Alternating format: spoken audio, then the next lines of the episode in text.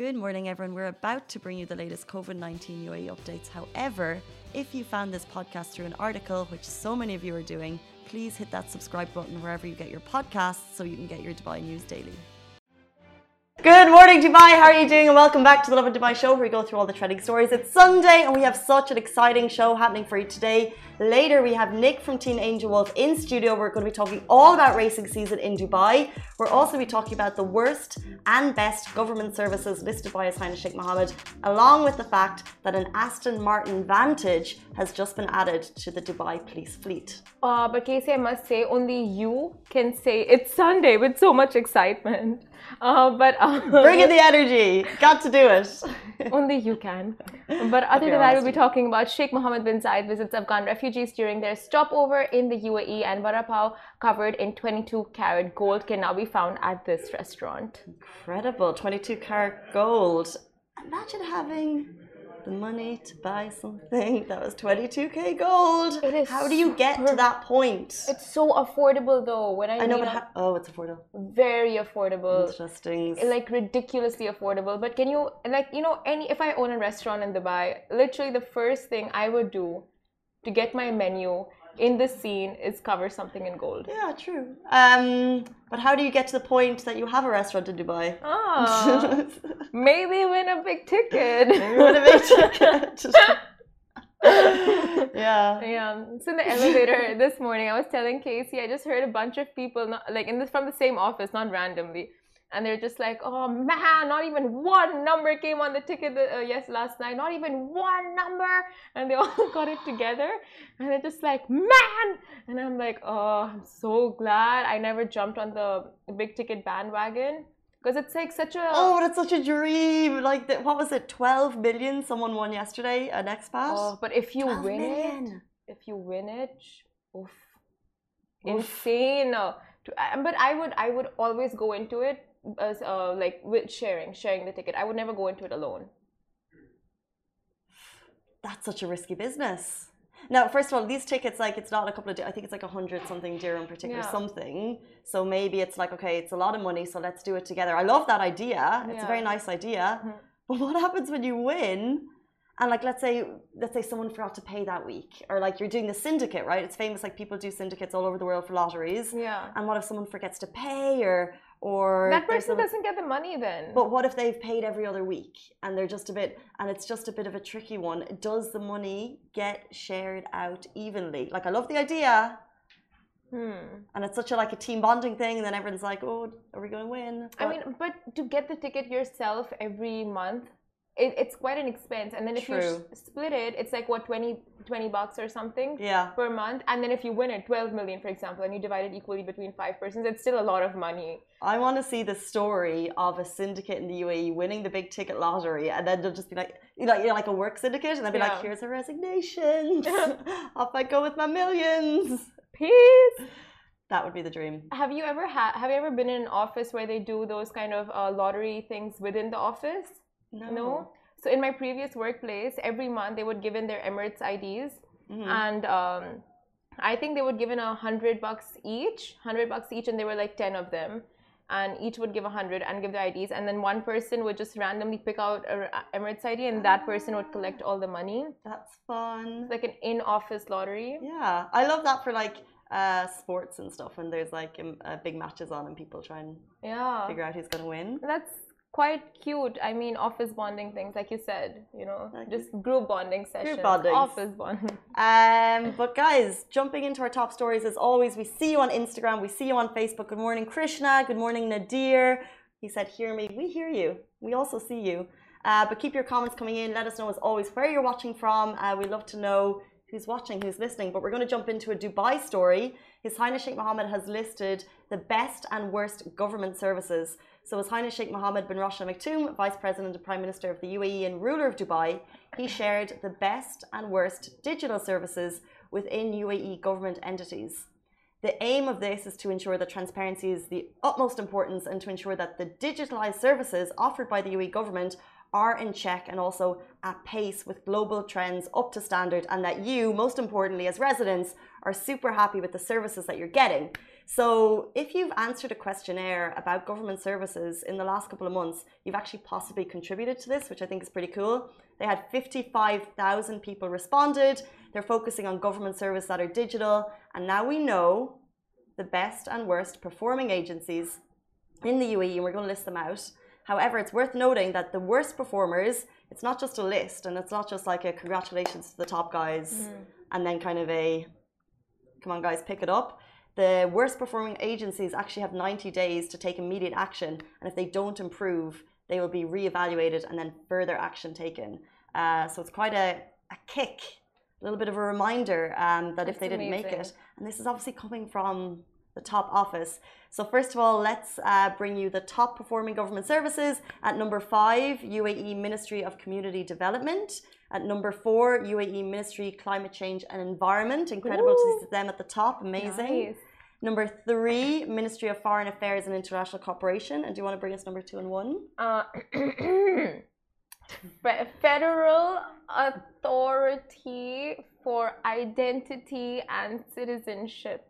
Well, they've had a very busy year with all of the visa stuff going through. For sure. No, like the whole COVID period and IC approvals, GDRFA approvals, God, and like the amount of things they've had to roll out, new, uh, just like the, you know, very quick mm-hmm. website links and all of that. Yeah, so incredibly busy, busy year. Portals, and sorry. In at number one, shout out, should we do it together, to the incredible UAE United Arab Emirates Ministry, Ministry of Interiors. Well done. Um, they are probably going to be celebrating. They deserve it. They are the best performing government service. Congratulations to you guys. However, now we're going to go to the worst performing services.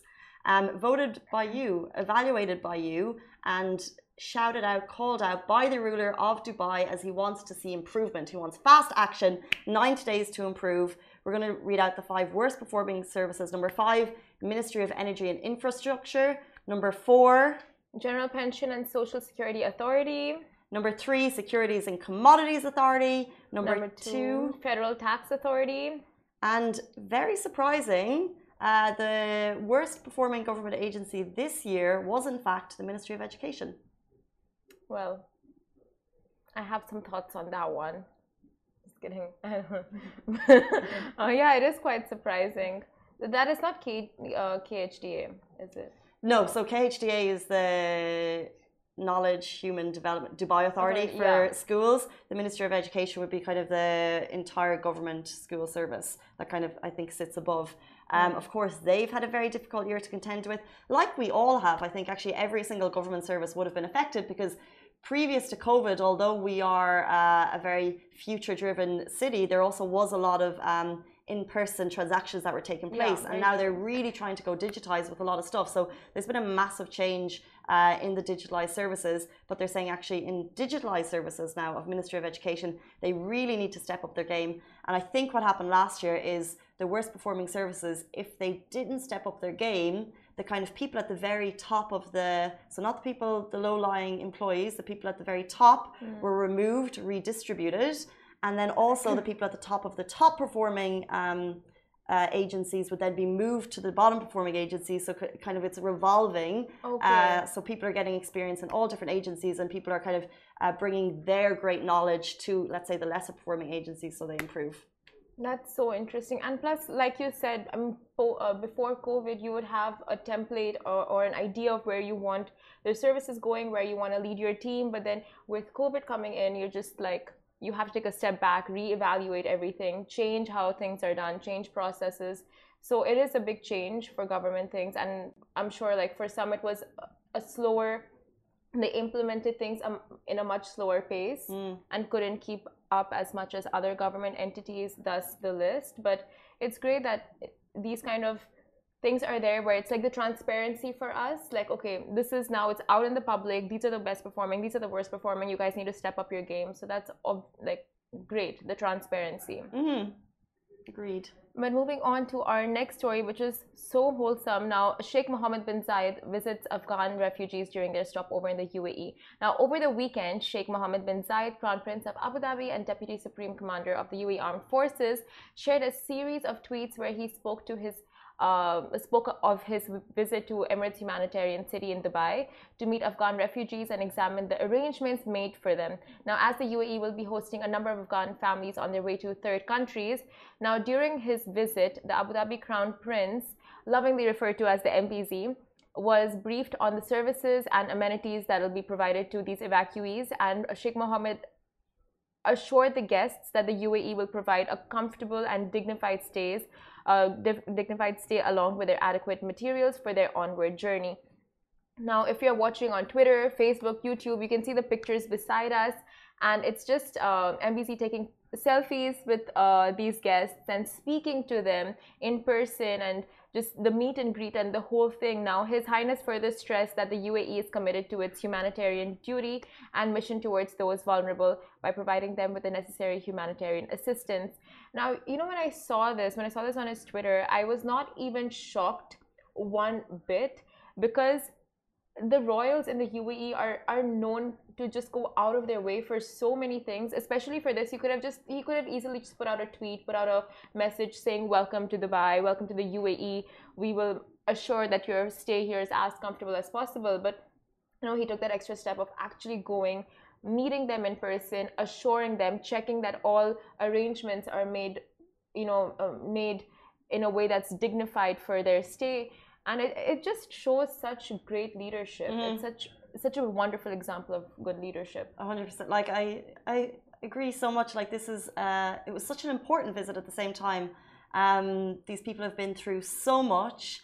Uh, we're talking about third countries but whether or not they'll probably soon find out where they're going but they're in such a kind of an unstable period. Yeah. but to be welcomed to a new country just after the traumatic uh, we have no idea what they went through, the traumatic experiences they've, they've uh, been through, to be welcomed by uh, the leader of the UAE. Um, and then the selfies, like it, it's such a kind of a, an open arms moment. Yeah. Um, and I think all of us were kind of uh, touched by the images. So just fantastic leadership and also uh, a really important step uh, for the people to really feel welcomed here in the UAE. Very true. I got goosebumps when you were saying you talk. that. Like it's such a it's such a great story. Like we talk about the leaders here constantly, like in kind of different parts of society. But like this is such a fantastic story. This is really so amazing is. to see. And MBZ is so good with kids. Like just taking that selfie with that child, it was so cute. And he's done so many uh, cute things with children before. Like there was this one girl who was waving a flag or she was saying hi to him, but he just walked past and then someone showed him the video afterwards and he personally went and met the girl. So good, I love it.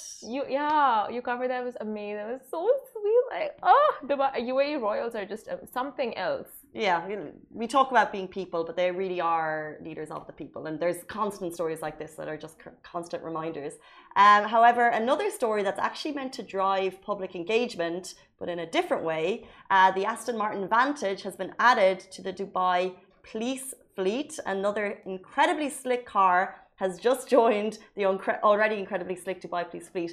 It's kitted out in full livery, complete and already ready to hit the road. So it's the agile, performance driven Vantage.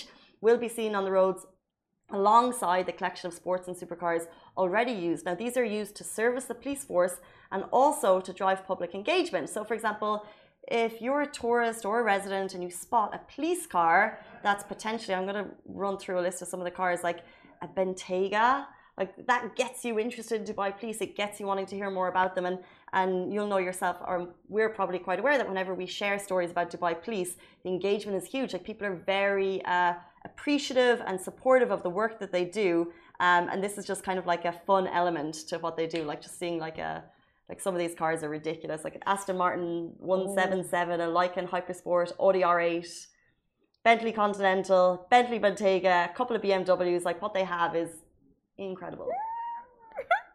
what? Do we have to join the police force to be able to get one of these cars? Ugh. Yes. Like, will you guys take us? Bentaygas, I think, cost similar to what apartments cost. Like, they're just but I would live in one. it's really nice, got nice leather. They're so fancy. Right, if you have one of these cars, like that's it. No more apartments, no more villas. Just stay in that car. But, um, the, but the thing about these is they, for example, you'll see stories of like, um, let's say, children who uh, have need for a wish, let's say if they have health issues or something like that, and Dubai police will bring the sports car to their house and they have like, uh, they can sometimes get kitted out in the police uniform. Like we've seen gorgeous stories. So, Yeah. yes, they're driving public engagement, but also um, there are incredible community stories that they use these cars to uplift the community, which is just fab. We need a little uplifting, just saying, putting it out there They've come to our office. with the cool Yeah. cars. Where, where, where was I? Where was Jackie? That was probably like one of the Was most. I- Where was Jackie? That was probably like one of the most level up moments we ever had. Dubai police car came down to our JLT tower. Um, Hala got to get in and have a little drive. of course. Of course, Hala, we see you. Um, and actually, it was a Dubai police woman, and they had a really nice drive. It was probably a good while ago, but um, Okay, we maybe wanna, time, maybe time for another spin. You can actually drive, can't you? So you can. I hope it's manual. Just, like show off my manual skills. But imagine like the police force and like your colleague gets the fancy car and you're just like, okay, when is it my turn? How do they decide who gets the fancy cars? Okay, Simran has put the question out there. When is it her turn? Hopefully, someone can answer because I don't know. It's an awkward one. Awkward. Um, I guess never. Anyway. Actually, no. I, it, okay, fine. If there's any way you want to sit in a police car, it's this way and not any other way. Absolutely. Goes without saying. for the ride. Scary. Anyway, moving on. Now, vada pav covered in 22 karat gold can now be found at this restaurant. Now, just when you thought you'd heard it all, a Dubai restaurant in Karama comes up with yet another only in Dubai moment to make you go, wow. You want to say it? Wow. Wow. Ali, that's your thing. Is that Ali? Mm. Because he's not speaking. I thought it was Richie. Well, Ali has. I, I was worried that the buzzer was going to come out for that Oh. one. I feel like that was necessary enough.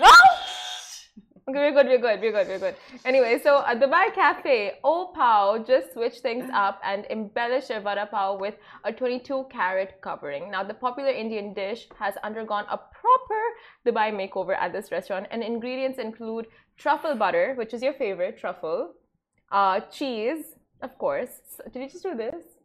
Yeah. I would say it's my fave. So remember we ordered truffle pizza somewhere, and you're just like, oh, I love truffle. The smell is delicious, but like an overload would Oh, be too much. But right, Yeah, right. truffle butter still sound yum. Uh, I've never had, but anyway, soft toasted buns, and of course the 22 karat gold sheet. Now, surprisingly affordable, the carrot gold, carrot or gold vada pav, priced at 1999 dirhams, comes with a sweet combo of a mint lemonade. Uh, plus sweet potato fries and definitely worth the price in my opinion. But if you were wondering what a vada pav is here is a quick backstory. It's a vegetarian fast food dish originally more popular in mumbai india and that's deep fried in potato dump it's a it's got a deep fried potato dumpling that they put inside a, a bread bun sliced almost in half but not completely sliced just like there's a little bit of like attachment in the bun. And usually it's also served with chutneys and a green chili pepper. Uh, but depending on one's preference of course you can have it completely plain if that's how you like it like me. Intolerant to spice. That's so cool. I love the story. Are you running to try it? i am dying to try it. It's 99 bucks and like it's got gold. I'm sure there are some benefits to having gold. I I hate eating uh, like not that I've done it much, but I don't. I like I I understand why restaurants would put gold on things because we always talk about it because it's very Dubai. yeah Um, but it just seems yeah. there are some health benefits to it you know like i googled it it there there's something to it Mm. You get a gold stomach after you eat it. I mean, what would you do with a gold stomach? It's got health properties, and um, you know, in Burj Khalifa, like on the top, you you get a gold cappuccino. Yeah. Oh, gap, gold cappuccinos are quite common in Dubai.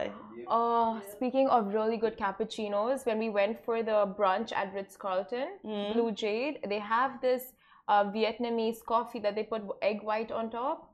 Ooh. Oh my God, Casey, I know you like coffee. So you have to go for their brunch. It's so tasty, so tasty, guys. Oh, egg whites on coffee, it's a game changer. That is a f- that's something I'm gonna have to question egg whites on. Like I love coffee, like my eggs. Do I want an egg white or even egg whites in a drink? All right with that. Egg whites on a coffee. I'm gonna have to You, dis- you disagree. can't, you can't, you gotta try it before you diss it. You must try it before you diss it. Egg white. So I'm good. not tempted to go and try it. It doesn't like it's not like it doesn't make my mouth be like, mm, I really want to go. And, I'll tell you, it's like you know, you know when you know when we talk about stuff, and I'm like, let's order that right now. When we're talking about like Albaik, it's like, oh, I love fried chicken for lunch. You're not doing that with the Vietnamese coffee. It's the it's the I don't know the way they stir it. It's like having a marshmallow like mixed in the coffee. Though I don't know what it is, better. but it's so Mhm. good. And it's the egg white that gives it that taste. Interesting. On that note, if you go and try it at the Ritz Carlton Blue Jade and let us know your response, if it's a good one. Uh, someone saying I have a question on Instagram. Let us know what your question is. 17 frames? I have a question. Is that your question? Hmm. That's not a question. But I have a question. That or that. Oh, can I ask a question? Would be a question. Right. Yeah, you get. You know what? You get one of that for life. If I could, if I could do that every time you talk, I would. I love that response. You know what? I'm going to do that forever and a day to you. You're cancelled You're cancelled, for your negativity. Um, guys, stay with us because, of course, while many of us have been preparing for back to school and back to work season, our next guest and his team have been preparing to get back to the racetracks. Stay tuned. Nick from Team Angel Wolf will be with us right after this. Lovin Extra is here. This is the new membership, and while absolutely nothing changes for our readers, extra members get access to premium content, exclusive competitions, and first look for tickets and access to the coolest events across the city, and love and merch. If you subscribe right now, a very cool Love and Red Eco Water bottle will be delivered to your door. Welcome back to the Lovin' Dubai show. While many of us are preparing for back to school and back to work, our guest right here has been preparing for the back to race season. Please welcome Nick from Team Angel Wolf. Thank you. Uh, so good to have you here because literally the last time we did this was bang in the middle of COVID. Uh, so it's great to bring you into the studio. Yeah, nice to see that things are starting to relax a little bit Yeah. in certain ways. But um, yeah, great to be back. Thank you. Um, we've documented the Team Angel Wolf story plenty over the last couple of years. It's an incredible community story of inspiring individuals. Uh, but for those of you who don't know, can you give us a little bit of an introduction about what you guys do? Yeah, look, um, 2014, we started to race for my son with disabilities. Uh, Rio was born um, 2003, and after six months, he had his first seizure. So it took us down a whole road of kind of getting to know the world of people with determination. And he's got a very rare chromosome disorder, so it's called 1q44 deletion, which leads to seizures, non-verbal. Most skills for him are quite a challenge. Um, and then in 2014, we were trying to look at something that we could do as an activity, so we started racing together. So we did our first triathlon. That was the sport that I did as a kid, and never having an idea if he would enjoy it. Um, so I swim, pulling him in a kayak. We've got a special bike, sits on the front, and we run together. And um, yeah, we've kind of done lots of races. We've done 400 plus races. Um, and we've kind of calculated the distance that we've done over the last since 2014. So we've covered about 10,000 kilometers of swimming, cycling, and running, kind of distance from Dubai to Australia. And Rio just loves it. And I think it's, you know, it's become more than just a father and son, it's a family unit. My little daughter, Tia, is now 14, she also races exactly as I do. So she swims and bikes and runs with Rio. And again, our focus has always been about inclusion, making sure that it, Rio's included into the community. Well, this was exactly my next question because a coin that you guys actually phrased is inclusive impactivity because you started as a duo and then it became a family and now it's a community that you're inspiring. So, what actually does inclusive impactivity mean? Well, look, I think inclusion, especially in this day and age, is that we want to make sure that everyone's equal and everyone's welcome. And that's something that we've done with Team Angel Wolf. And also, we want to make an impact in the community and maybe inspire others to go, you know, how can they include others at school, at home, and in different environments. So, yeah, it's kind of a nice tag word. Um, and it me- I think it means a lot to us because of how important inclusion is, especially in this day and age. Um, I think we've all noticed that during COVID. You know, we've all been at home, how important family are. So we start with the fundamentals, and I suppose that's what Team Angel Wolf is a little family unit. And as we've grown, obviously, like you said, was friends, families, relatives, community, and how important it is to look after each other. But we're all we're all the same. We're all the same. But you guys have actually been talking about uh, inclusion long before COVID. Yes. Um, you were kind of always uh, your climb uh, with Rio World Tour that Yep. happened pre-COVID, and it was kind of inspiring people at the end of every month to climb a peak. So then COVID hit. Yeah. And we're also going to talk a little bit about racing season in Dubai, which is kicking off. We're super excited about it. But what happened during COVID for you? Like, how was that? Because obviously you're all about people, you're all about getting out of racing. So, what was the pandemic like for you as a family? Look, super stressful. You know, you can imagine a little boy who's non-verbal um, had to stay at home for a good period of time. He didn't understand why he wasn't allowed outside. Um, we kind of thought of an activity that we could include Rio. Um, really simple. Um, I decided to climb up and down my stairs, the equivalent of Burj Khalifa. You uh, probably which saw the headline, guys. Yeah, it took us like four and a half hours.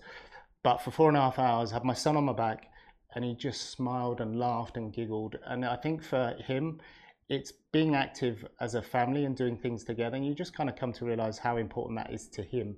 Um, and he just loved it. He loved it. Can you imagine sat on someone's back for four and a half hours? You know, ten. If I put my daughter on there for ten minutes, she'd be like, "Dad, I'm bored." Well, I'm thinking about Uh, him, and I'm also thinking about you, who's doing the doing the climbing here. but it was just you know it was fantastic and what we did at the same time because it was may of covid year if that makes sense so it was a few months in everyone was at home around the world. And then we just kind of did some social media and said look who wants to join? And it was just fantastic. We had we had families joining from all around the world climbing with us but not just necessarily climbing Burj Khalifa. They were climbing their own monuments so the Eiffel Tower Big Ben. And it was fantastic. And then from there we've created climb with Rio World Tour. So for six months we go around the world. And um, yeah it's it's slowly picking up getting schools and kids involved Interesting. Um, it's great to hear that it's slowly picking up because obviously schools are finally back in action, Yes. and I'm sure they'll be looking for activities to take part in. But we also start, shared a story recently about sponsorship for you guys. yes Um, how is that going, and how important is it for you to actually get sponsorship for this season? Look, thank you very much. It's really hard. I have to be honest with you.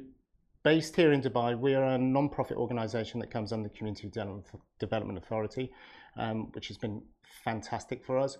But the challenge here, we're not allowed to fundraise nor are we allowed to receive donations. So the only way we can ex- exist as an organisation is through corporate sponsorship. So companies sponsor us, we put their brands on us, they become a partner, we do loads of activations, we do corporate talks and stuff, etc. with the company. And it's the only way that we can put food on the table. Um, the other way is we do corporate talks.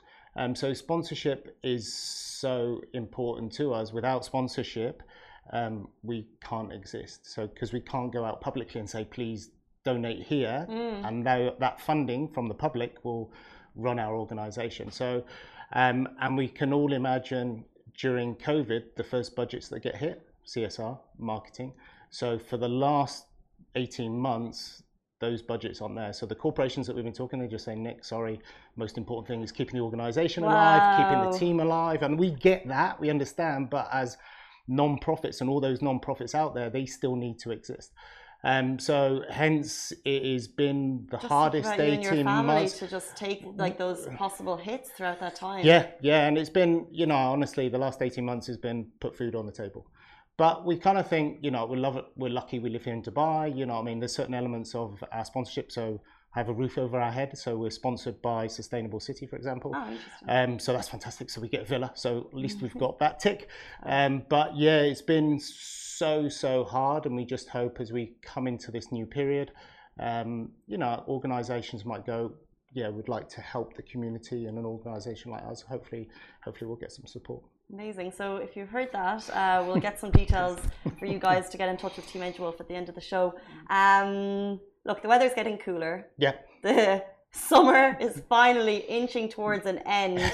Uh, how excited, how motivated are you guys for racing season? Oh, look, I, I have to big, give a big shout out to all the race organisers. So last week we do uh, kind of like lovely email just thanking everyone for their support and said, look, can you support us? Because the nice thing about all the race organisers, they allow us to race complimentary, if that makes sense. Interesting, because these races aren't always cheap. No, not at all. So you can imagine to that, that that's a huge cost for Uh-huh. us. Um, and every race organisers comes back with the most wonderful emails. They're like, Nick, of course, we love what you do. We love your support. Um, so they've just said, look, open book, come and race all our races. So at the moment, Amazing. I started to schedule because people keep asking, Nick, where are you racing? Can we come? Can we join? Um, I've had some schools wanting to come. Even if we run the 10k, there's a 5k and a 3k Oh, for the kids schools so so, so you kind of go absolutely great, yeah. fantastic. So um, yeah, I think I've booked provisionally 20 races up to the end of the year.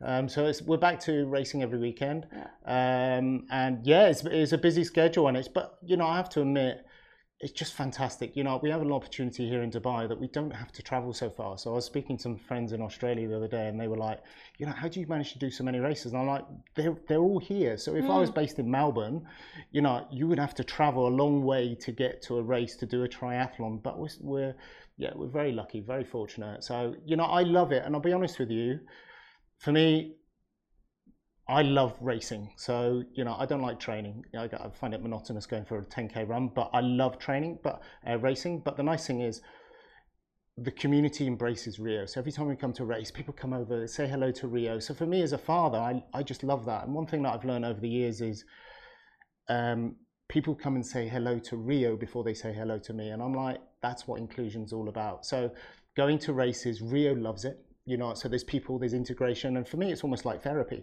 And then we're out racing because he's happy.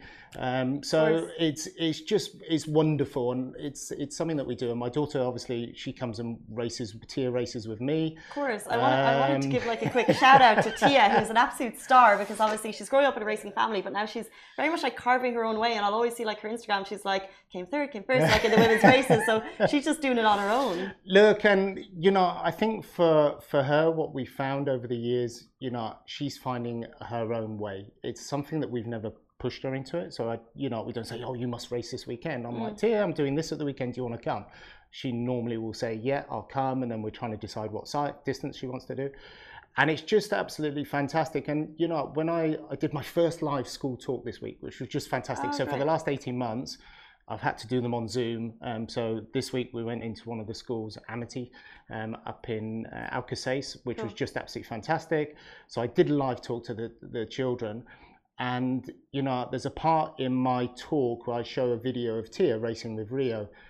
You can see all the kids, they just love it. And then we ask for questions. They're all about Tia, Tia, Tia. And you just kind of go, because she's the same age, Yeah, they're relating to Tia. I'm just the old dad that drags his son around a race.